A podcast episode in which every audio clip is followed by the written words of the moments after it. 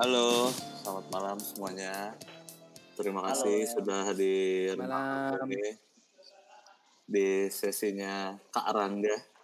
Anjing. Bodat dong, bodat namanya. Yoi, Asik. Kak Rangga. EKE Bodat. Eh, malam hari ini Kak Bodat akan menceritakan pengalaman-pengalaman hidupnya sebagai pekerja kreatif setelah lulus dari kampus biru, Kampus Cowboy. kampus Cowboy. Jadi nanti malam ini akan dipimpin oleh the one and only Ahmad Hilal. Jadi nanti kalau ada yang mau nanya atau ada yang mau ngomong bisa pakai fitur raise hand di bawah atau di pertanyaannya ditulis dulu di kolom chat. Untuk Ahmad Hilal waktu dan tempatnya dipersilahkan. Halo, eh thank you sebelumnya sih buat eh, Rangga, Rangga Bodat 2005 yang meluangkan waktunya untuk ngobrol-ngobrol sama-sama kita di sini Sama-sama. dalam program yang diinisiasi eh, oleh beberapa kawan-kawan bincang-bincang brutal. Ya mungkin eh, bincang brutal ini kayak semacam silaturahmi lah. Kayak kita pengen ketemu-ketemu lagi tapi apa daya pandemik jadi kita manfaatin fitur online inilah dan mungkin dari cerita-cerita ini bisa bermanfaat dan bisa didistribusikan gitu eh, melalui platform Spotify atau lainnya. Nah, langsung aja nih, eh, gimana nih kabar eh, sekarang nggak nih hari-hari ini? Baik, kalau kabarnya aman lah. Gue udah hampir sebulan lebih WFA, men. Kerjaan semuanya lewat digital WFH. sekarang. Iya. Masih as eh, director apa art director nih, Bang Bodat. CD gue, kreatif director. Udah kreatif director. Nah iya.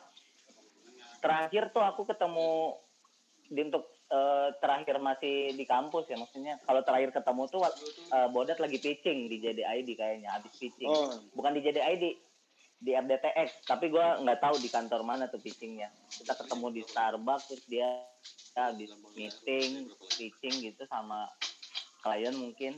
Itu terakhir ketemunya tuh di situ. iya, iya. Di, Eh, tapi gue pengen tahu eh, setelah lulus nih eh, 2000 berapa ya waktu itu? Lulus 2000 berapa sih Dek, kemarin? 2000 sekian lah. Lupa gue juga. 2011, 2012. Lulus kuliah? Gue gue nggak tahu, men. Udah lulus apa belum? Iya 2011, 2011. Ya, 2011. Ijazah gue masih di kampus kayaknya. Berarti emang bener nih ya. emang kayaknya udah super sibuk nyampe lulus aja udah lupa nih kayaknya. Iya. Nah iya, setelah lulus tuh perjalanan karir Bodat gimana tuh? Bisa diceritain nggak ke kita kita? Soalnya kita nggak banyak yang tahu. Ya kita taunya pas udah udah ketemu, itu pun cuman nggak sampai sejam. Mungkin bisa di share di sini gitu. Ya waktu itu gue beres lulus ya, antara lulus dan gak lulus lah. Pokoknya yang penting lulus lah waktu itu. Hampir tiga bulan di awal tuh gue magabut aja men. Gak tahu mau ngapain. Ya kan? Hampir tiga bulan waktu itu gue di Bandung. Rebahan doang, gue nggak tahu mau ngapain. Lama-lama mikir juga akhirnya. Butuh buat uang makan sama uang rokok nih waktu itu. Sama buat yang merah-merah. Karena supply di stop dong. Ah, Wow, wow. Supply di stop dong dari keluarga kan. Kan bokap nyokap gue udah nggak ada. Jadi gue eh, ini- ini gue ngomongnya gue apa aing manehnya. Terserah senyamannya. nggak apa-apa, boleh. Senyamannya. Biar Jakarta Selatan banget ya. Yoi, yoi, yoi. Iya, habis itu gue ke Jakarta eh, modal satu tas doang. Awalnya cuma ngikutin abang gue doang. Dipanggil lah kan, gue cuma ditanya, nyet lo dibanding lo nggak jelas, mending lo ke Jakarta deh. Gue tanya kan ngapain bang? Ya ngapain sih nyet? Yang penting otak lo lo pakai gitu. Abang gue kan juga orang pekerja kreatif ya. Terus eh, gue ke Jakarta, sama akhirnya nggak sama gabut waktu itu gue disuruh melamar ke beberapa perusahaan Alhamdulillah nggak ada yang terima waktu itu. Waduh. Akhirnya gue coba lagi, gue coba lagi, Betul ya. gue akhirnya dapet pertama kali kantor gue itu di Kelapa Gading. Di Kelapa Gading itu kerjanya di bawah gudang men. Baru tahu gue lulusan lulusan DKV kerjanya dari gudang. Temen gue ngobrol tuh satpam Mengawali karir di di gudang. gudang. waktu itu. Jadi ada rumah, dia punya studio desain. Jadi gue dikasih tempat tuh di bawah. Oke. Nah, habis itu tugas pertama gue disuruh Hmm. make Adobe Illustrator dan gue nggak bisa. Oh karena Bandung dulu base-nya Corel ya. Corel dong kita. Enggak enggak kalau kalau kita bukan Corel, sketsa. Corel, sketsa, iya, Corel. sketsa langsung, sketsa langsung. Oh manual ya. Hand drawing. Iya. Terus habis itu gue nggak betah, gue cabut, cuman dua minggu ya kalau nggak salah. Anjing gak jelas nih tempat. Habis itu gue pindah ke brand brand branding ya, branding agency. Heeh. Masuklah gue di branding agency. Sebulan pertama kesuksesan yang gue dapat gue dipecat men. Oh. itu Kok real, bisa? itu real. Itu kenapa itu bisa real. dipecat gitu tuh? Karena gue nggak bisa pakai Photoshop. Oh, wow. Anjing. kan basic gue dulu kan moto kan, bukan ke desain kan. Kan ceritanya dulu mau jadi war fotografi kan, kayak James Northway. Oke. Tapi nggak kesampaian kan, gara-gara kamera gue jatuh di Iya. promo waktu itu. Nah, akhirnya gue dipecat, terus gue eh, balik lagi ke rumah abang gue. Terus ditanya sama ah, abang gue, lu kenapa ya? Dipecat gue bang. Abang gue cuma bilang, wah mampus lah kau itu. Cuma digituin doang. Terus habis itu dia ngajak minum bir, ya udah. Ya udah, nggak apa-apa deh lu ikut gua aja. Nah dari situ karena abang gue emang juga pekerja di bidang advertising, kebetulan dia di salah satu global agency, gue ikut-ikut dia kayak photoshoot, eh, meeting sama agency. Nah dari situ gue dikenalin nih sama pentolan-pentolan agency lah, copywriter, account, bla bla bla. Tugas gue tiap hari gampang Apa tuh? Gue dikasih tugas sama dia suruh bertanya lima pertanyaan ke semua orang yang dikenalin sama dia. Jadi kerja gue cuma nanya doang. Gue ketemu sama copywriter gue tanya eh kerjaan lu ngapain sih mas? Hidup lu gimana sih? Apa aja lu kerjain? Gue ketemu lagi sama fotografer gue ketemu lagi sama account. Nah dari situ gue banyak belajar. Hmm. gitu loh. Hmm. setelah dari situ akhirnya gue mencoba ke melamar waktu itu pertama kali ke oh magang magang di perusahaan digital advertising Jepang Denzu. kantornya di Tamrin City eh Tamrin City kantornya di Tamrin itu keterima tuh gokil tuh Apa tuh bang? namanya waktu itu Micro Ad Indonesia ya namanya Oke, my God. mikro AD, mikro AD. Micro AD Om, Ya ya. jadi tahu. jadi waktu itu gue cuman gue berdoa gue cuman pengen punya kantor yang bisa ngelihat Tamrin dari atas dari tempat kerja iya Pengen lihat city cityscape ya.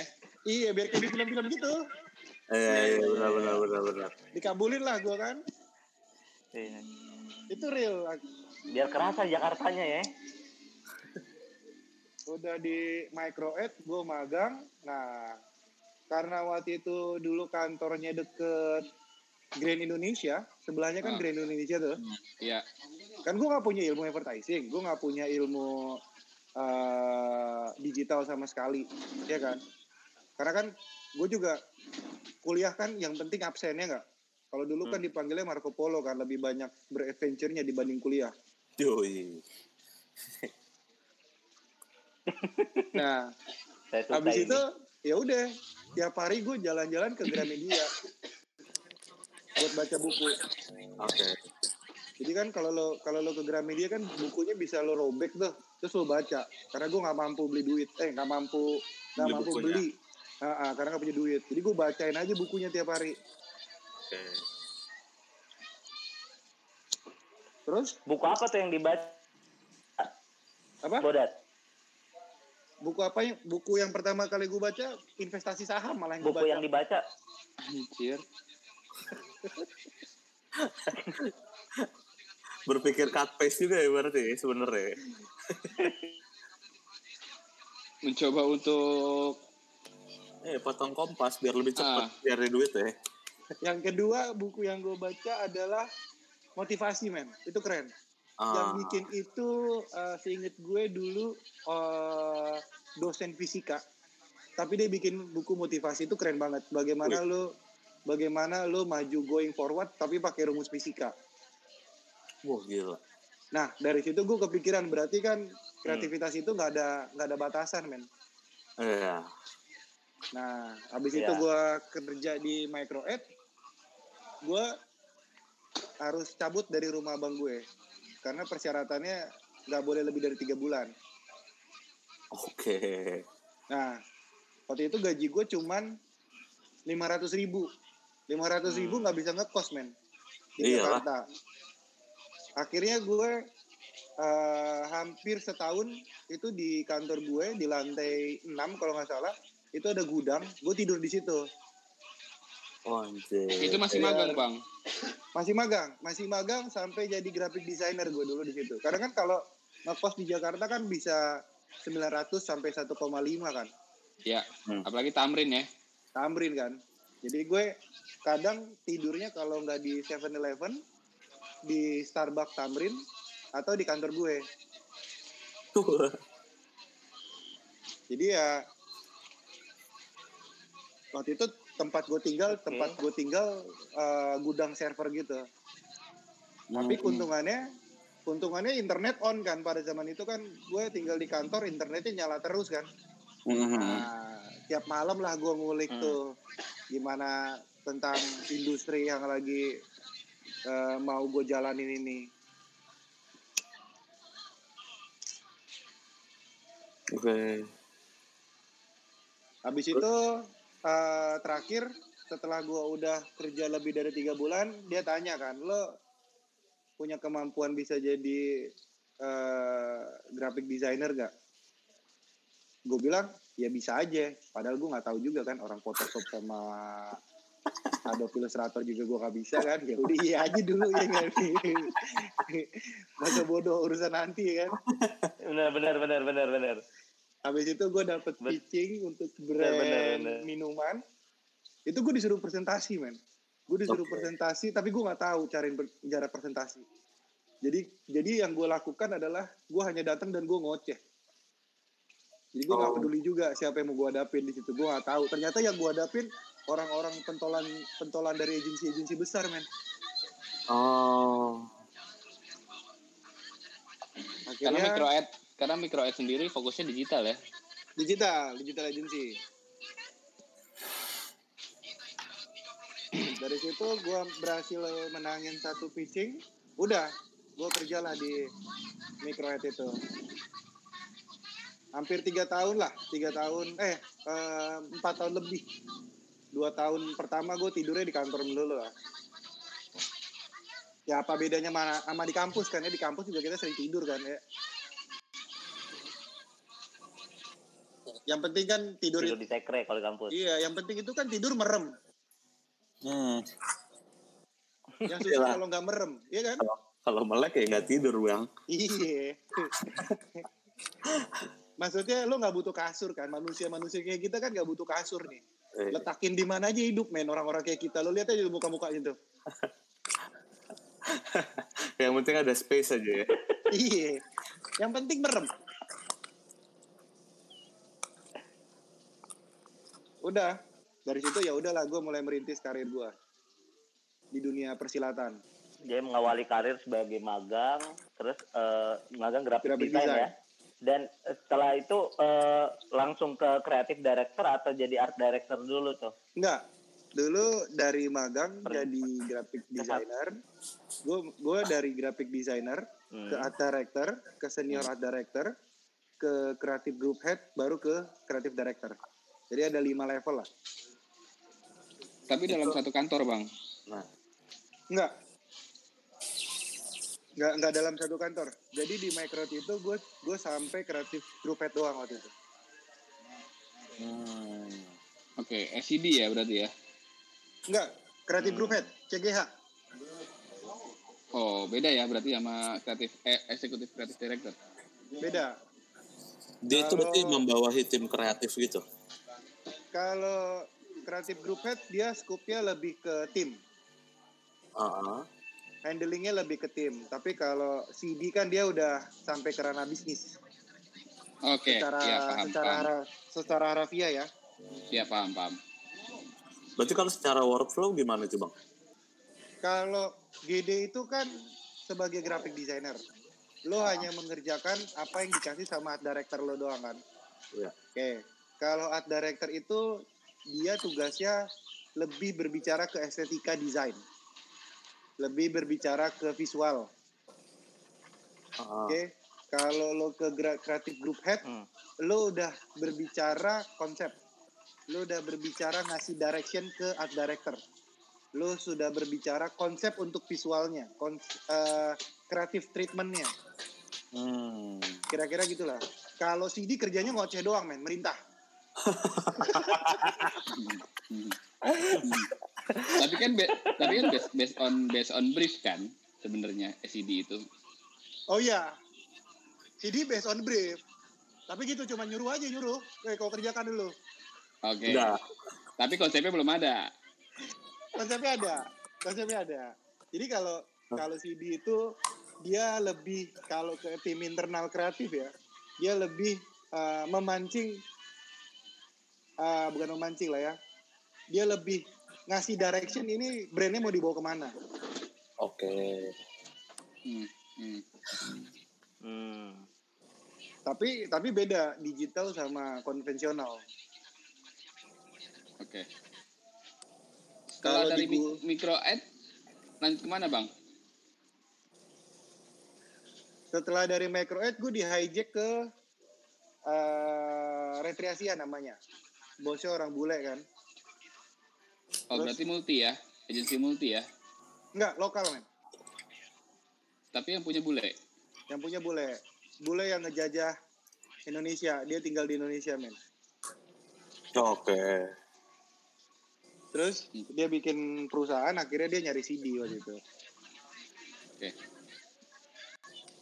Oke. Terus bang? Terus ya di situ gua gua terima lah. Hitung-hitungan matematikanya aja yang jelas ya kan? Oke. Bukan ya. Iya dong. Kalau matematikanya satu tambah satu sama dengan 16 gua ambil. Tapi kalau satu tambah satu dua gua nggak ambil.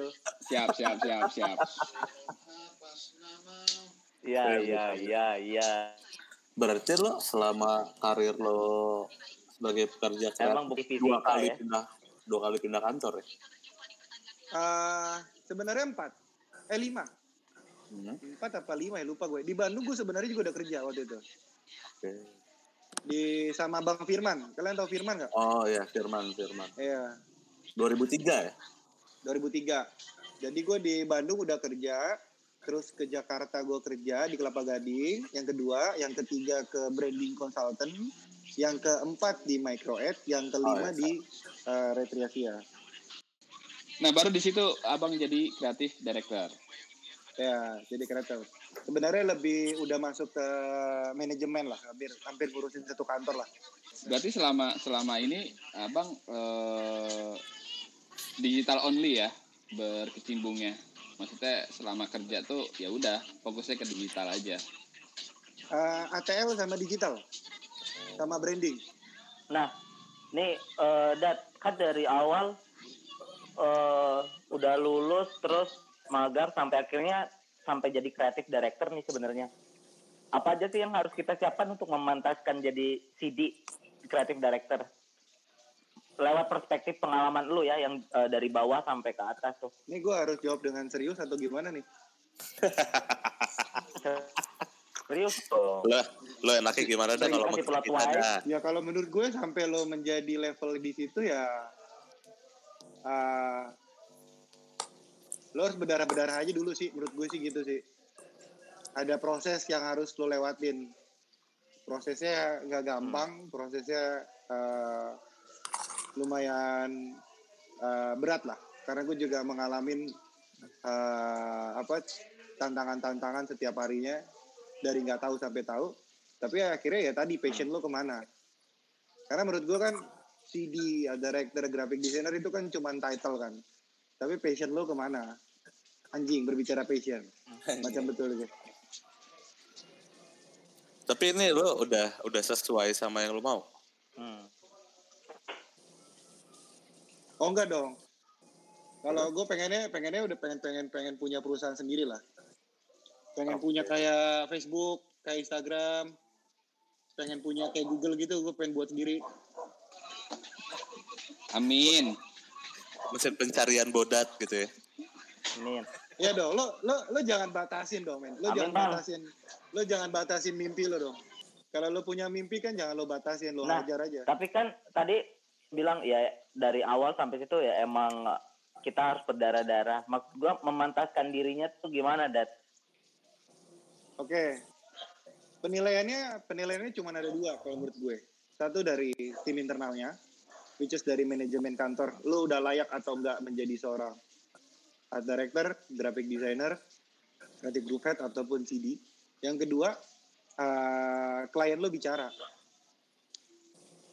Kalau klien lo merasa dia eh, lo bekerja dengan secara kooperatif ya, akhirnya itu kan nyampe kan ke manajemen juga. Hmm. Jadi ya lo lo eh, harus melewatin dua sisi, internal sama eh, eksternal. Itu yang membangun karir lo kalau lo mau berkecimpung di dunia advertising ya. Karena kan kalau lo berbicara manajemen dia punya penilaian tersendiri dan setiap eh, kantor itu punya eh, standarnya sendiri ya. Lalu setiap klien juga punya standarnya sendiri. Tapi jangan sedih men, banyak juga gue Kalau standar- nama klien Lu sendiri gimana, Dat? standar gue sendiri ketika lo bikin sebuah ide buat klien itu sama kayak lo bikin sebuah pameran aja. Lo harus bikin seperfect mungkin lo harus bikin segila mungkin lo harus bikin se semewah mungkin karena lo mau pamer kan? Sama sebenarnya gue juga mau pamer nih sama klien gue nih gue mau kasih tahu nih yang gue bikin keren. Lebih keren daripada agensi-agensi yang lain. Bangsat lah yang lain pokoknya gue lebih keren lah. Jadi ya lo harus bikin sesuatu yang kayak lo mau bikin sebuah exhibition besar aja. Tapi tapi ada nilai-nilai yang sesuai dengan komunikasi sesuai dengan brand sesuai dengan positioning. Itu lebih ke technical technical lah pembahasannya. Terus yang kedua jangan lupa berdoa men. Itu aja kurang-kurangin. Tapi kalau mau minum nggak apa-apa. Bukannya dibutuhkan itu ya bang? iya makanya gue bilang tapi berdoa juga gitu loh gak masalah. lo lo senin jumat mabuk tapi minggu gue ke gereja men. Tetap aja kayak gitu. Balance sih lah ya. balance. Ya, berarti bener apa yang dijelasin Bang Buda tadi kan dua sisi itu dikonsepkan ke berbagai aspek kehidupan. Ya gak sih?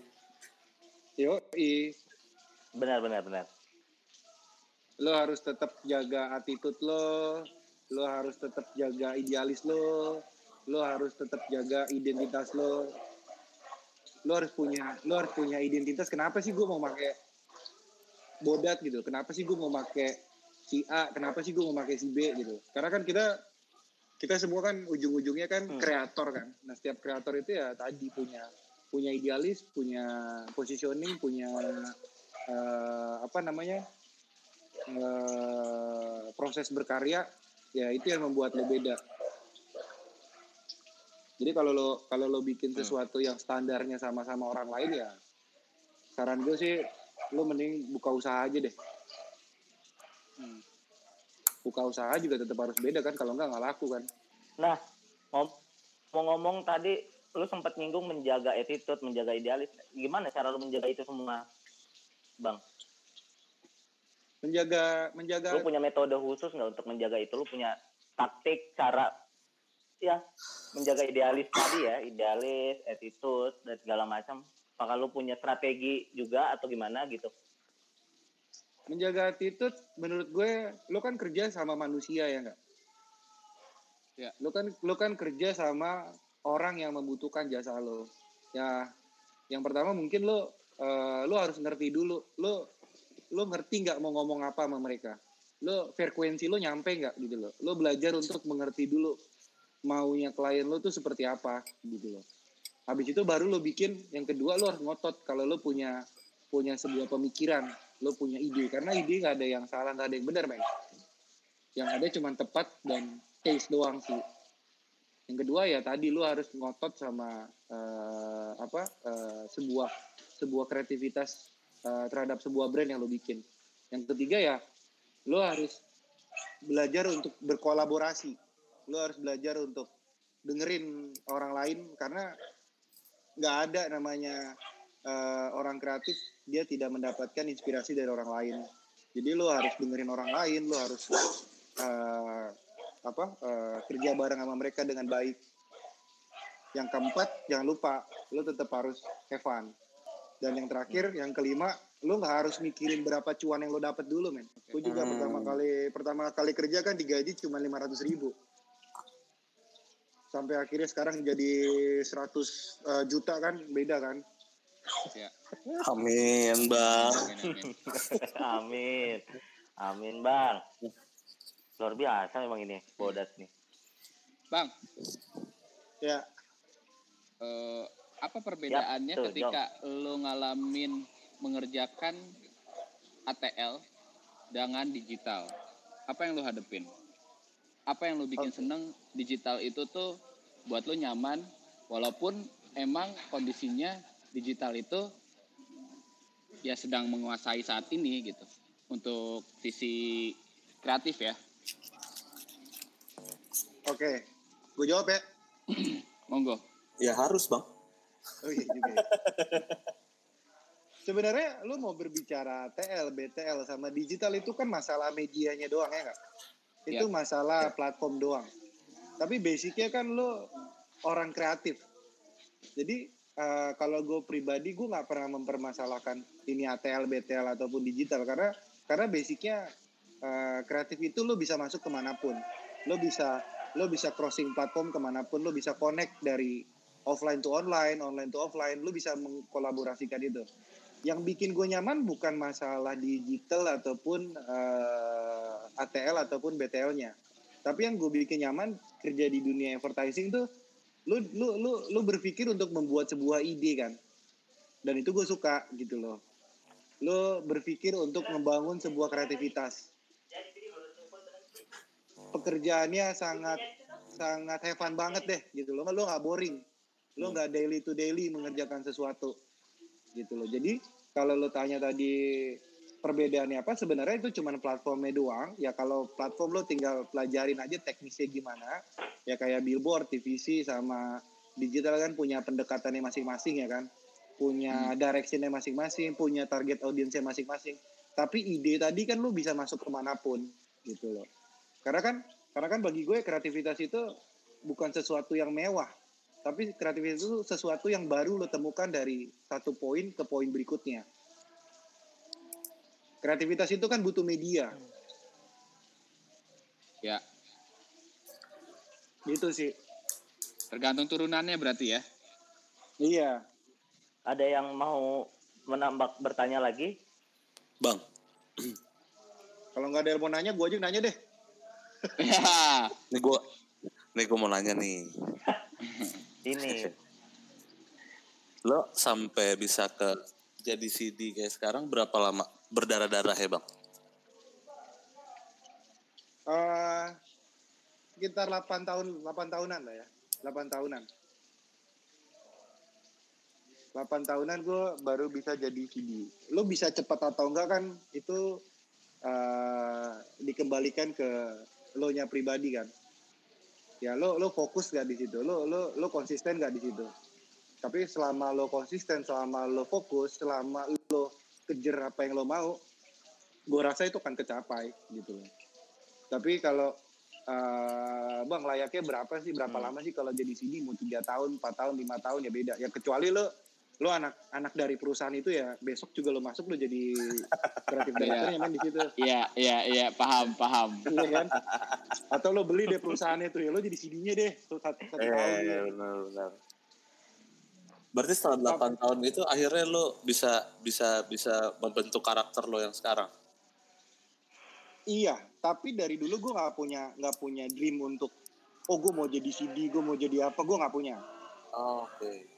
Yang gue lakukan hanya setiap hari kerjaan gue apa yang gue kerjain gue kerjain secara konsisten secara eh have fun.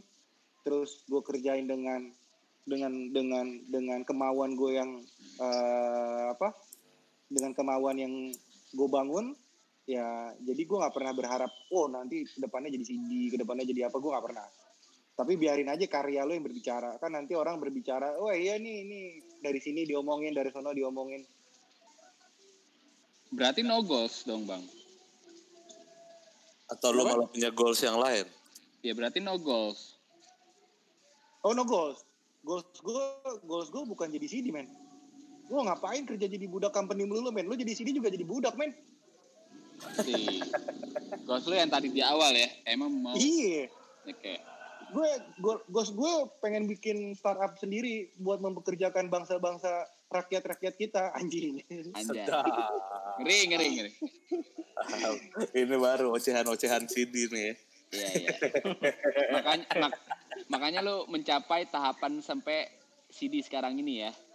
iya, ya itu kan prosesnya kan. Iya. Tapi kalau kalau kalau goals gue ya gue pengen punya Terbaik di kelasnya iya, memang. pengen punya pengen punya startup sendiri lah atau pengen punya company sendiri dong. Lebih enak membudidayakan manusia kan dibanding dibudidayakan sama manusia. Bener gak lo? benar. Anjing. Betul, betul, betul. Tapi dilihat dari eh, sekarang kan advertising digital tuh udah banyak banget ya bang ya. Apa nih target lu membudidayakan manusia, Bang? Wah lo tanya lo tanya Tuhan yang di atas kalau itu pertanyaannya bro. Bang, sekarang kan advertising digital tuh udah terlalu banyak ya. Kita lihat ya. Ya ada yang ada yang main eh apa namanya platform ya maksudnya gue Sosial media eh, gitu. sosial media segala macam udah banyak udah terlalu banyak lah eh, agensi ATL pun udah ikut-ikutan menjadi eh, membuka agensi digital. Nah, eh, apa eh, dari diri lu tuh gimana sih untuk ketika mau membuka agensi sendiri atau creative house sendiri untuk menghadapi itu semua? Lebih bagaimana mungkin bahas, pertanyaannya lebih bagaimana tetap bersaing dengan Iya, eh, Iya. di industri ini ya. Ya. Sedangkan sudah terlalu banyak nih agensi digital. Maupun ATL pun udah ikutan udah buka digital sendiri gitu. Iya kalau kalau dari gue eh, pertama eh, lebih ke bagaimana lu kerja sama orang ya. Karena tadi gue bilang dari awal lu kerja sama orang nih. Jadi eh, usahakan orang itu nyaman kerja sama lo karena ketika ketika lo kerja dengan nama orang nyaman dia akan merekomendasikan nama lo karena working is about people kan company juga is about people kan gitu loh. Lu bekerja sama siapa? Lu ngerjainnya sama siapa? Gitu loh. Itu yang pertama. Yang kedua, de- eh, yang pertama tuh maksudnya lebih ke eh, attitude lo ya. Yang kedua, eh, lu harus punya sesuatu yang baru terus. Lu harus punya sesuatu yang fresh. Lu mau jadi kreatif yang seperti apa? Gitu loh. Lu mau dikenal sebagai eh, eh, agency yang kuat dalam bidang apa? Karena kreat- kreatif agency juga banyak ya. Ada yang uh, lebih ke basicnya ke desain, ada yang full kreatif, ada yang optimizer, lebih main ke sosial media, ada yang ke influencer. Jadi banyak banget. Nah, jadi kalau menurut gue yang yang kedua ya lo harus punya uh, sesuatu yang baru di industri ini. Tadi gue bilang lo harus mengkonekkan dari satu titik ke titik berikutnya supaya klien ataupun eh, orang-orang di sekitar lo tetap dihadirkan dengan sesuatu yang baru, sesuatu yang fresh. Jadi lo bisa lo bisa ngasih sebuah eh, kreatif yang bener-bener eh, gue nggak mau bilang out of the box tapi sesuatu yang fresh aja sih gitu loh. Kalau kalau digital kan kita bicaranya konten kan sekarang konten-konten kan. Ya, Tapi kalau gue lihat konten sekarang makin lama makin bodoh aja masalahnya. Iya. Jadi Udah ya, template. iya kayak yang kemarin tuh yang apa di ngeprank ngeprank bencong itu kan makin bodoh. Iya. Jadi ya tadi kembali ke poin awal lo attitude lo yang kedua tadi lo harus bikin sesuatu yang fresh karena karena end of the end yang dinilai adalah eh, kreativitas lo sejauh mana kan sebagai agency kan Iya. terus yang yang yang kedua ya tadi balik yang ke pertama eh, klien lo happy nggak kerja sama lo Ya, cara kepuasan ya. iya karena tadi lo bekerja dengan manusia karena lo bukan lo bukan menjadi seni murni kan kalau lo seni murni lo berbicara dengan karya lo terserah orang lo mau ngapresiasi kayak gimana tapi kalau ini kan lo eh, seni adaptasi kan kita desain apa advertising tuh seni marketing lah Oke, berarti lu ada personal branding diri lu sendiri ya? Ada. Ada banget kalau itu. Dulu waktu gue kerja di eh, agensi gue yang pertama yang di deket Grand Indonesia nggak ada yang mau kerja sama gue men. Karena Karena semua gue maki-maki.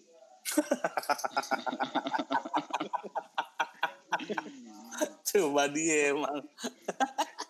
ketika lo menjadi grup, grup head, Iya, padahal level gue masih kreatif gue ya. Cuman gue masa bodoh aja gue maki-maki lo tolol lo semua lo. tapi tapi akhirnya jadi teman baik. Tapi akhirnya jadi teman baik. ya lo tau lah orang-orang kreatif kan idealis ya. iya, iya. Iya kerja gue dulu nangisin nangisin nangisin tim aja kalau nggak dibenci kalau nggak dibenci sama tim nangisin tim lah. Karena menurut gue ketika lo bikin sesuatu lo harus maksimal. Lo nggak Iya. bisa setengah-setengah dan gue nggak mau setengah-setengah. Kalau lo mau bikin yang Oke. bagus bagus kalian gitu totalitas habis. Dan lu punya KPI sendiri untuk keatasan lo ya? KPI enggak. Secara Oh, gitu. manajemen gue juga nggak terlalu peduli. Malah gue maki-maki juga. Anjir. Pengen gue jadi kerja sama yang begini. nih. Kenapa lu karena, bisa? Karena gue maki-maki karena yang yang yang yang mereka kasih salah. Maksudnya kurang Oh. tepat lah gitu loh. Jadi Kan ya ada- menurut gue. Kan ada ada business director yang emang udah punya mandatory si brand untuk menghasilkan something yang emang harus lu kerjain, Bang. bener. Kalau kalau kalau ke klien gak gue maki-maki dong men. Kan dia yang bayar. Kita diem aja kalau ke klien. Ke internal ya. Ke Induknya. internal. Ke internal.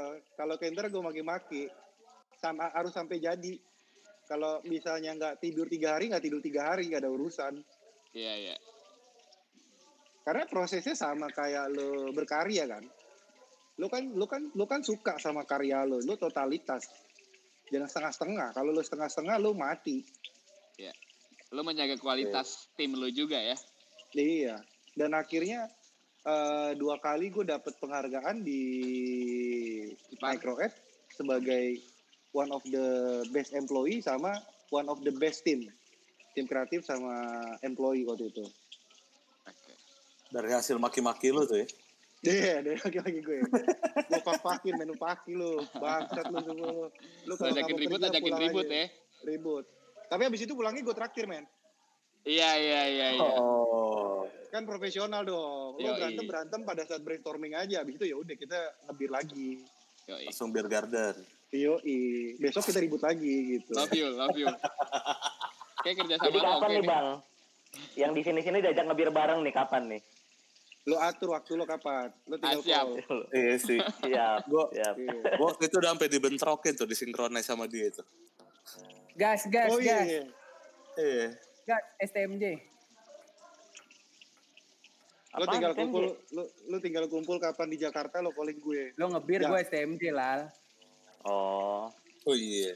Badrun udah udah hijrah soalnya dat. Ada es teh manis, Badrun. Ah, ada jus jeruk. Eh, Sebenarnya sebenarnya nggak apa-apa Badun. Kan lu pisahin mana yang profesional drinker sama yang sosialis drinker. ya. Iya. ada ya? Ada ya? Ada, Ada. ya? Oke. Ada dong. bener bener bener. Dapat ilmu baru gua hari ini. Kalau berso- memang ya. Be, Kan- Kan intinya drink. Iya nggak? Iya, Iya. intinya dari Kalau lo bersosialisasi buat minum kan nggak masalah sekali-sekali. Tapi kalau lo profesional kan lo harus Yoi. minumnya teratur, baik, bener, sesuai dengan etika-etika permabukan. Iya iya iya iya iya iya. etika permabokan kreatif director gimana nih, Dat? Nah, kalau gue biasanya anak-anak eh, kalau habis pitching lah, pada habis pitching capek kan, ya gue support botol lah. Oh, Ya, lo menang pada kalah. menang kalah nggak peduli gue kalah ya udah besok coba lagi susah banget. Tapi ada oke. advance. Fighting Ada- berarti sebenarnya. Tapi tapi Iya. ada advance atau duit dulu pribadi. Kebanyakan sih mostly duit duit pribadi ya. Karena karena bagi gue ya udah lo lo udah kerja nih, lo udah berkarya nih, lo udah presentasi, lo ikutan pitching kan capek kan, lo kalah. Ya udah nggak apa-apa kita Evan lagi aja besok kita coba lagi gitu. Dan mereka pun membantu lo ya. Iya, malah gue yang sangat berterima kasih dibantu sama mereka. Iya iya iya. ANC Live nih. ANC Live. Nih Iya. Lo kalau kerja di agensi jangan baperan, Nggak ada baper. Tapi nggak sakit ada hati. baper. Sakit hati ya boleh. Ini ini Pegel aja pegel pegel aja pegel. Iya. Kadang udah ditahan tapi kok pegel ya. Akhirnya bikin grup sendiri tau gak lo? Yang anak-anak pegel ya. Iya. Ngebedain. Gimana, Dat? Biar nggak baper, Dat. Itu kan yang selalu gue bilang sama teman-teman. Lo kan kerja sama orang ya. Mau lo kerja sama klien, mau lo kerja sama tim, lo itu kan manusia semua ya nggak? Kecuali lo kerja sama pohon, beda nih. ya kan? Lo kerja sama manusia kan? Jadi ya, terus yang kedua, kita ini kan orang kreatif ya. Kreatif itu kan bukan bukan graphic design ataupun sebuah lukisan ataupun sebuah video ya. Kreatif itu bisa menjadi komunikasi ya. Sekarang tinggal bagaimana caranya ide lo menyampaikan sesuatu ke orang lain gitu loh. Bagaimana ide lo menyampaikan ya yang bagus tuh begini gitu loh. Atau yang yang gue punya gue punya pemikiran tuh seperti ini. Jadi ya ketika lo uh, punya sesuatu di internal yang mau lo sampaikan ya lo harus cari ide yang kreatif cara nyampeinnya. Dulu gue punya pengalaman uh, karena gue ajak pitching ya pada males gitu ya, pada ogah-ogahan gitu kan, timnya udah pada capek kan, dengan gue ngajakin pitching dulu anjir. Terus cara gue ya gitu, gue gue buka di Facebook profile tim gue masing-masing, terus gue tempelin di, di proposal itu muka mereka yang zaman dulu, Hmm. Wah. gue tempelin Dengan tuh satu-satu. Dengan tujuan akhirnya mereka recall kan, mereka ketawa kan. Nah di situ lo masuk. Lo rubah mood Hmm. mereka kan. Lo Iya. rubah mood mereka menjadi positif, lo rubah mood mereka menjadi have fun. Akhirnya dari situ menjadi titik balik, ya udah nih kita kerjain yuk gitu. Terus yang kedua biasanya gue ngasih karya-karya dari luar nih lihat nih ada karya dari Behance ataupun dari Cannes Lions Award segala macam itu memancing oh iya ini kita bikin gini bikin kayak gini gitu nah habis mereka bikin baru lo salahin lagi salah yang lo bikin ulang lagi Tetap ada celah. Dinaikin, ya kan? Iya. Udah tuh. Bisa mic lagi. Iya, iya. Nggak bisa boy, nggak bisa boy.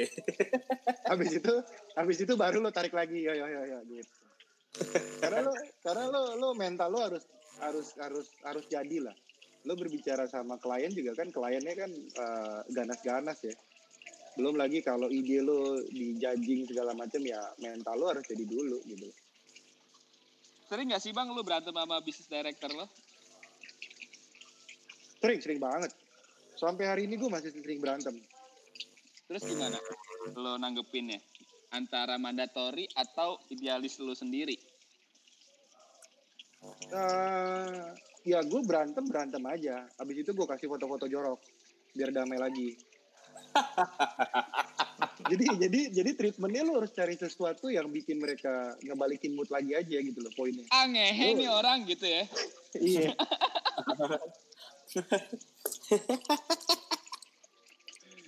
Kadang kan kadang kan gini kayak lo brainstorming gitu ya sama tim lo kan.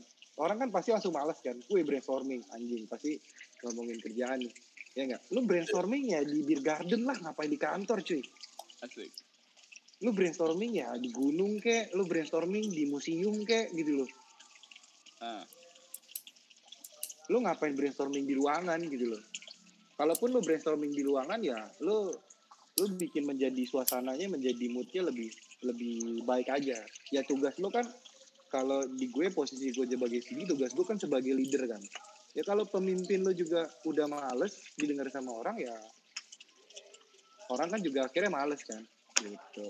Jadi biarin dulu mereka kasih mood yang bagus, berkarya, abis itu baru lo sepak tuh idenya supaya tujuannya supaya lebih bagus karena idenya itu harus lo challenge Eh, dong. eh. Ya kan? Digging ya, digging. Iya. Nanti baru lo lihat lagi. Lo nggak mungkin kan bikin karya tuh sekali jadi langsung bagus. Gue nggak percaya sih. Lo butuh proses. Oh, oke. Hmm. Bener banget tuh. Jadi ya ya coba lagi aja. Makanya gue lebih suka filosofi lo menjadi seorang petani dibanding lo menjadi seorang pemburu. Kalau berburu lo berburu habis, tapi kalau bertani lo menggag lo, lo gagal lo ulang lagi, lo gagal lo ulang lagi, lo gagal lo ulang lagi. Lama-lama lo tajem kan. hmm.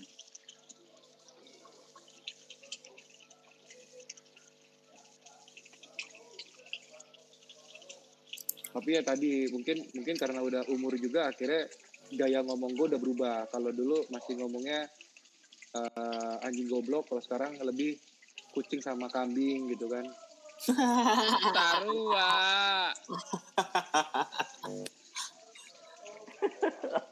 anjing gue dikatain kambing aja kayak ah anjing Lah yang yang yang bodoh kan orang yang dikatain kambing ya. Lu dikatain kambing marah. Kenapa lu marah? Kan lu bukan kambing ya. ya tetap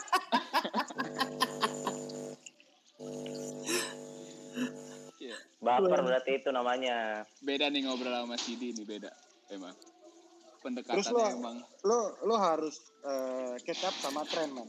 Lo harus ikut dengan tren. Makanya salah satu kerjaannya di advertising yang paling gue suka adalah gue mempelajari manusia, mempelajari behavior.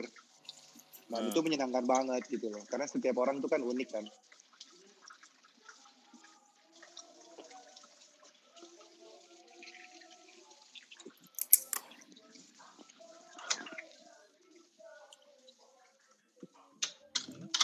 Mungkin dari teman-teman yang lain ada yang mau nanya lagi. Dika mungkin, Sultan, Elit Global. global. Atau Badrun Iya, teman angkatannya sendiri nggak nanya lu Drun. Enggak, gue denger aja. Ya poinnya sih kalau lo lo lo kerja di dunia advertising tuh itu eh, kerjaan yang sangat menyenangkan ya kalau menurut gue asal lo suka. Di mana pun lo kerja ya kalau lo suka sih lo pasti enjoy ya ngejalaninnya. Sama aja kayak gini kan lo bikin kayak gini nih belum tentu bakal laku kan. Tapi kan ya Hmm. udah lo kerjain aja dulu gitu loh. Iya. iya iya iya Jangan terlalu banyak dipikirin ya kalau gagal ya coba lagi berarti ada yang salah. Besok lo gagal lo coba lagi gitu. iya kalau udah sampai lima kali lo gagal ya lo mabok dulu lah habis itu lo coba lagi iya tapi ngomong-ngomong lu dari dari dari dari halaman ke dalam sampai ke kamar ya pindah ya Yoi. Itu itu nyari nyari apa sih dat Sampai pindah-pindah gitu inspirasi apa gimana tuh? Kenyamanan, bro. kenyamanan sama kayak kerja bro Kita dikit lagi di luar. kasur itu. Dikit lagi kasur itu. Ditutup habis dari kasur. ini iya, ini juga dimatiin. ini juga, ini juga ini juga salah satu faktor kalau lo ngomongin kenyamanan. Lo jangan bikin sesuatu yang nyaman deh. Itu juga itu juga eh, apa ya eh, nggak baik lah. Kenapa? Sama aja kayak Maksudnya gimana? iya. Ya lu harus punya tantangan setiap hari. Kayak gue kerja di bidang advertising gue harus punya tantangan eh, hal baru apa yang bisa gue bikin gitu. Lo punya tantangan eh, gue mau bikin apa ya gitu kadang kita bikin sesuatu yang tidak di brief sama klien kita bikin sebuah inisiatif Oke. Kita bikin aja dulu gitu loh. Kita lempar aja dulu. Masalah nanti mereka suka nggak suka ya urusan nanti gitu loh. Jadi ya Oke. tadi lu lu lu jangan lu jangan nyaman ketika lu udah sampai di posisi wah gue udah gue udah expert nih, gue udah gue udah di top level nih. Enggak men. Hmm. Jadi harus Hmm. bikin lu harus bikin suasana itu tidak nyaman supaya bergerak terus kan. Iya, iya. Berarti lu saat ini belum merasa nyaman Oh belum lah. Gue nggak mau nyaman nanti disuruh kawin. sampai dia nyaman. di posisi ini. Waduh. belum belum. Gue belum belum belum belum belum merasa nyaman sama sekali. Masih banyak yang harus harus lo kejar, harus lo bikin, harus lo gue mau kayak gini nih, gue mau kayak gitu nih, gitu. Jangan nyaman Lal, ya. nanti disuruh kawin Lal. Kagak. Tuh. Justru justru ketidaknyamanan itu akan membangun sebuah ide baru, Asik. anjing, ya gak? Yoi. Iya. Kalau lu- Ber- berangkat Kayak- dari kadang- keresahan ya.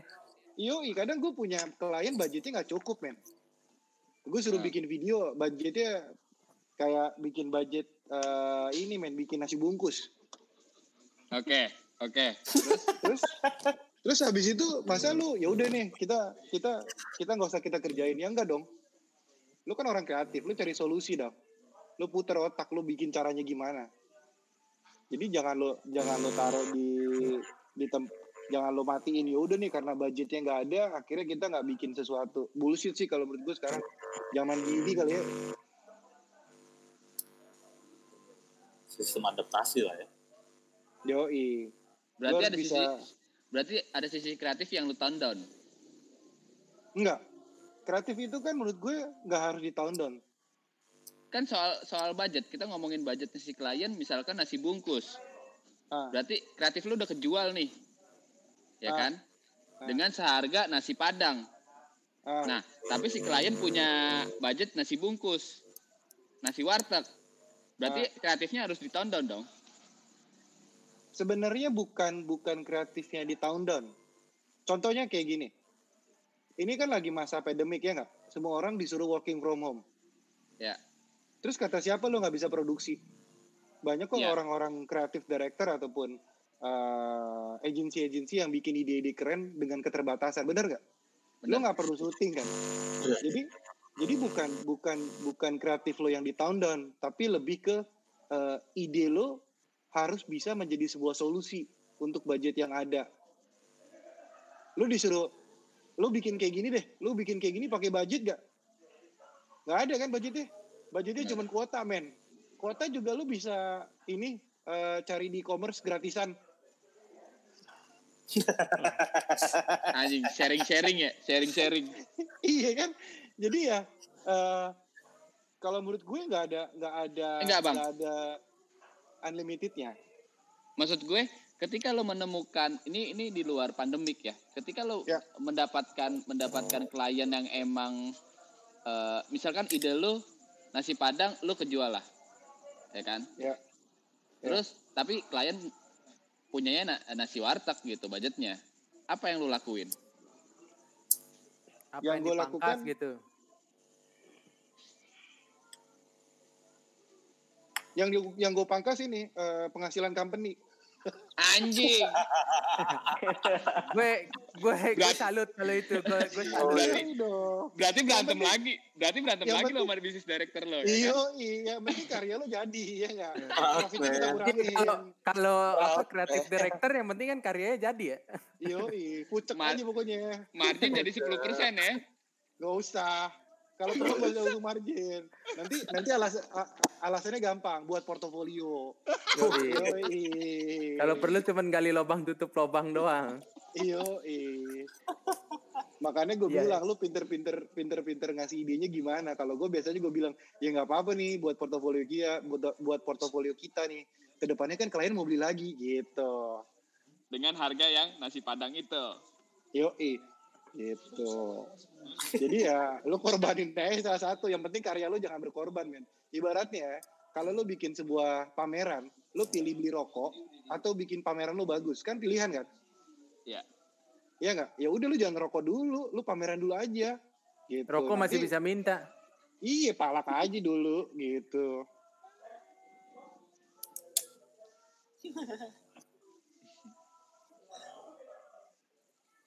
Yang penting karya lu jangan di jangan di jangan dipotong gitu. Dan selalu selalu ada teknis-teknis yang zaman sekarang ya menurut gue ya apalagi digital ya ada teknis-teknis yang bisa kita sesuaikan dengan budget gitu lu digital ngapain pakai pakai kamera apa namanya red cam man eh red cam apa Ya, Red. pakai pakai red Alexa. buat apa gitu pakai handphone yang penting kan yang penting kan kontennya kan kontennya menarik apa enggak gitu loh sama kayak lu bikin kayak gini cerita ini menarik apa enggak gitu loh kalau ceritanya nggak menarik ya nggak ada yang bakal orang mau denger Iya, iya. Baik lagi ke Iya kan? kualitas kan, Bang? Iya, kualitas dalam ideasnya ya, bukan dalam eksekusinya. Ya.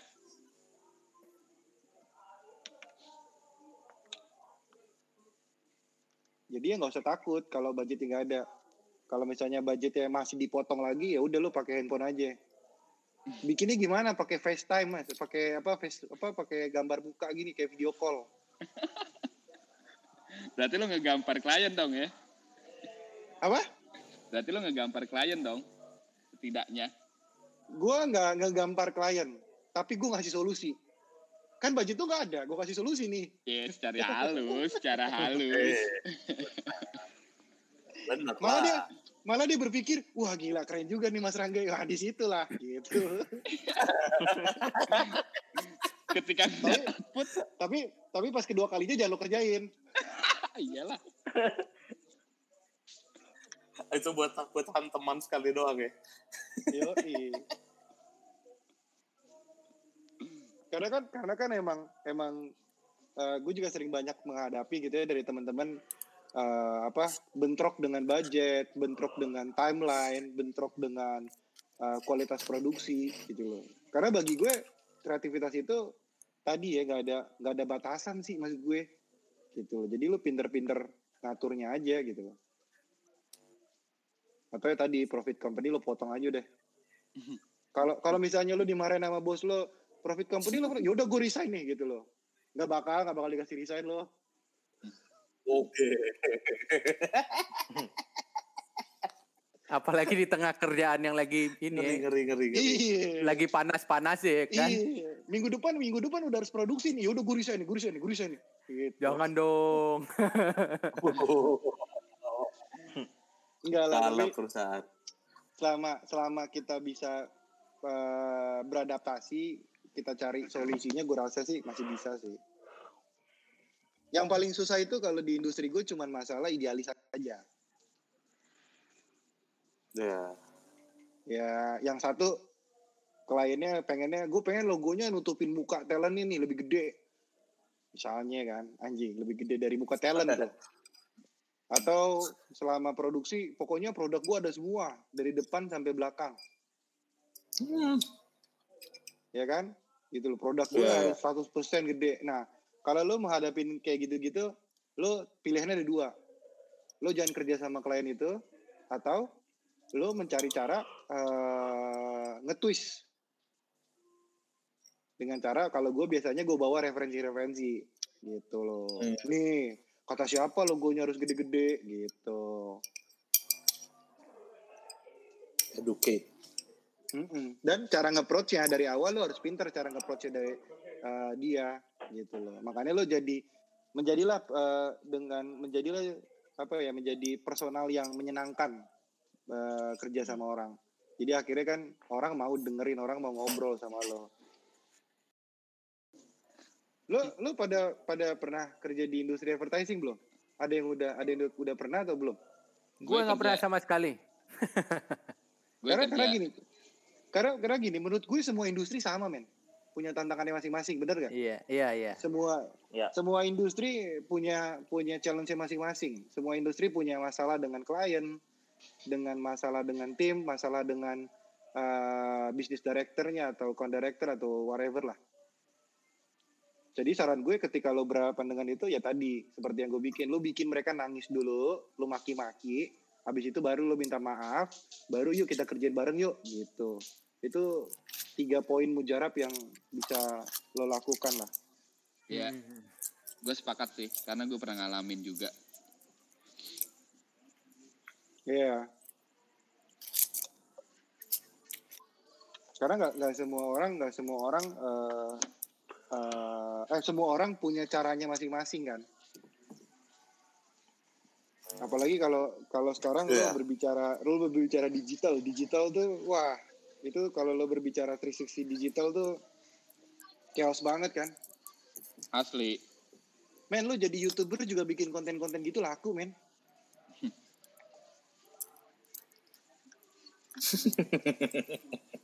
Iya enggak? Tuh TikTok lagi rame tuh kan.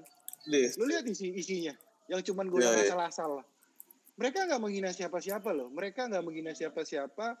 Mereka nggak eh apa namanya eh mempresentasikan brand apa pun. Mereka hanya men-share Joget. kehevan kehevanan mereka doang gitu loh. ya. Iya. Jadi ya tadi ya kalau menurut gue mereka kreatif ya. Di industrinya mereka mereka kreatif gitu. Kapan niat buat berkeluarga, Dat? Anjing. Anjing. Ini lu, lu pertanyaan lu kayak ngomong sama Bapak RT gue. Iya dong. Anjing kapan niat berkeluarga? Ada lagi mungkin dari teman-teman. Kalau enggak kita tutup dengan kesimpulan secara spiritual dari Badrun. Udah ditulis nih sama Badrun. Udah, sebentar. Bahaya nih Dat kesimpulannya. Ya ya menurut gue kan gue selalu sharing apa yang gue alamin ya. Tapi karena setiap orang kan punya punya prosesnya masing-masing kan. Hmm. Jadi ya lo share aja. Mudah-mudahan mudah-mudahan mudah-mudahan didengar sama orang lain. Kalau nggak didengar ya udah biarin aja ya. Gue.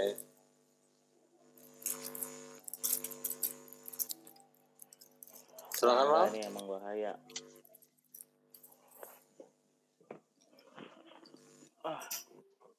Kan ini kita pembahasannya nggak kayak profesional gitu kan yang ngebahas teknik digital tuh kayak gimana. Oh, enggak, enggak, enggak. Enggak, enggak. Enggak, enggak, enggak. Cara Capek lu dulu. Ya. Capek ah, capek lu kayak gitu-gitu di dunia kerja. Intinya how to survive lo, Dat. Ini pertanyaan gue terakhir, Dat. Jadi waktu dulu di kampus, lu dapat apa Dat sampai awal-awalnya? Maksudnya lu nggak dapat apa pun di kampus, Dat? Sebenarnya ada yang gue dapat dari kampus dan itu eh, sangat berharga yang bisa gue bawa sampai hari ini. Yaitu ilmu pertemanan. Iya. Jadi menurut gue kampus itu tidak membuat ilmu secara akademis, tapi kampus itu membuat kita punya banyak teman. Kita punya ketololan-ketololan yang bisa diingat. Dan itu kepake ketika lu merasa stres. Gue masih inget nih sini, gue masih inget sini, dan akhirnya sampai sekarang bisa jadi silaturahmi. Jadi ya dari kampus eh, yang gue dapet sih lebih ke tentang persahabatan ya, tentang pertemanan ya, dibanding Pertemanan akademis. Mm-mm. Kalau akademis lo nyobainnya nanti di asam garam kehidupan aja deh. Ketika lo beres Iya. dari kampus juga lo belajar dari nol lagi kan. Yoi. Hmm. Satu satu kata nih yang gue ingat dari lu dulu, ngapain lu suka ke kampus nongkrong mulu? Kehidupan sebenarnya tuh ada di luar sana nanti. Cepet-cepet lah lulus. Nah, walaupun lo lulus gak tau mau jadi apa kan gak apa-apa. iya. Lulus aja dulu. Mana tahu Urusan nanti, nanti. bisa lo bisa menjadi host untuk pengganti Gofar Hilman kan bisa kolaborasi sama Bang Gofar. Yoi, yoi, yoi. Who knows? Yoi. Karena kampus yang lo cari itu adalah eh, bukan bukan dosen yang lo cari. Karena kalau dosen bisa lo cari di di Facebook aja lo cari buat silaturahmi. Tapi yang lo cari teman-teman lo di kampus tuh. Iya. Oke. Udah nih, Drun. Udah itu. Udah itu dari ketik. Ada ada kesimpulannya apaan kesimpulannya? Ada nih. Ini gue bacain nih ya. Dibacain Oke. sama Hilal ya. Kesimpulan dari Badrun untuk sesi bincang brutal kali ini bermula dari rebahan serius mencari isian, pindah sana sini belaga Belgi, cek cekek cekek leher, cekek leher sampai pagi. Keluar masuk korporat coba terus sambil akrobat, ah dasar bodat cari duit buat sebat. Cari ilmu di Gramedia katanya sumbu Indonesia, tahu-tahu sudah seminggu cepat berlalu. Butuh kerja di kota Jakarta bertumbuh, bertubuh, bertumbuh saja toh ada jalannya konvensional membentuk satuan mental, berubah digital secara maksimal atau siap menjemput ajal. Internal, eksternal, kontrol sosial bergerak komunal dengan akal. ATL, BTL, ponsel semua cuma alat untuk akrobat. Ah, kamu bodat cari duit sampai berlipat. Ke satu, kedua, ketiga, seterusnya ya manusia berbahaya. Keren keren. Lu udah kayak ini nih, Wal. Lu cocoknya masuk sastra sih. Lu bukan masuk di kafe harusnya. Tai. Itu juga, uh, Dat, gue saranin, Badrun Badrun. itu yang nulis. Lu jadi ini aja, kayak penyair gitu. Apa? Kalau Iya. kalau kalau kalau Bodat nggak kenal Badrun, nah, kenalnya Aswal deh. Oh, aswal. Gue ketemu sama Yandul tuh. Iya makanya tadi Iya, Yandul dekat rumah gue dan. Iya, Tinggal. dia ketemu. Gue gue gue gue pitching bareng sama dia, men. Oh iya. Yo, iya. Dah tutup dulu, baru ngobrol nih. Ya, Oke. Apa nih yang mau gua tutup dulu ya sesi malam ini ya. Oke. Iya. Terima Lo, kasih lo, lo harusnya, lo harusnya, to- yang udah hadir. Apa apa apa apa. Lo, lo harusnya ngebahasnya titik eh, dunia gelap advertising baru seru. Oh itu nanti ada sesinya. Oh ada, oke. Tenang, nanti kamu di invite lagi. Bagaimana caranya lo bisa mendapatkan klien lo gak cuman hanya di pekerjaan tapi juga bisa di hotel. Kalau kalau itu gue ngalamin nih sisi gelap fotografi. Oh iya. Iya. Sama. gue gue pernah ngalaminnya tapi gue berantem sama cewek gue Oh, Bagaimana sisi gelap dating apps, Dat. Sisi gelap dating apps. bagaimana caranya lo ber, lo lo brainstorming tapi bersama lendir. Lo harus coba itu Iya, kan. iya. anjing Iya iya iya iya iya iya. Bebe tutup dulu aja, Be. Ya. Kesimpulannya udah lendir-lendiran nih, Wes. Gila nih. Ini nih, semakin semakin liar ya. Semakin liar semakin liar. Oke, terima kasih buat teman-teman yang udah hadir malam ini. Terima kasih juga buat Kak Rangga yang sudah nge-share pengalaman hidupnya yang penuh roller coaster. Terima kasih buat semuanya. Semoga pengalaman dari Kak Rangga menjadikan sesuatu di hidup kita menjadi berkah juga buat hidup kita. Sampai jumpa di sesi berikutnya. Terima kasih. Yuk. Recording is off.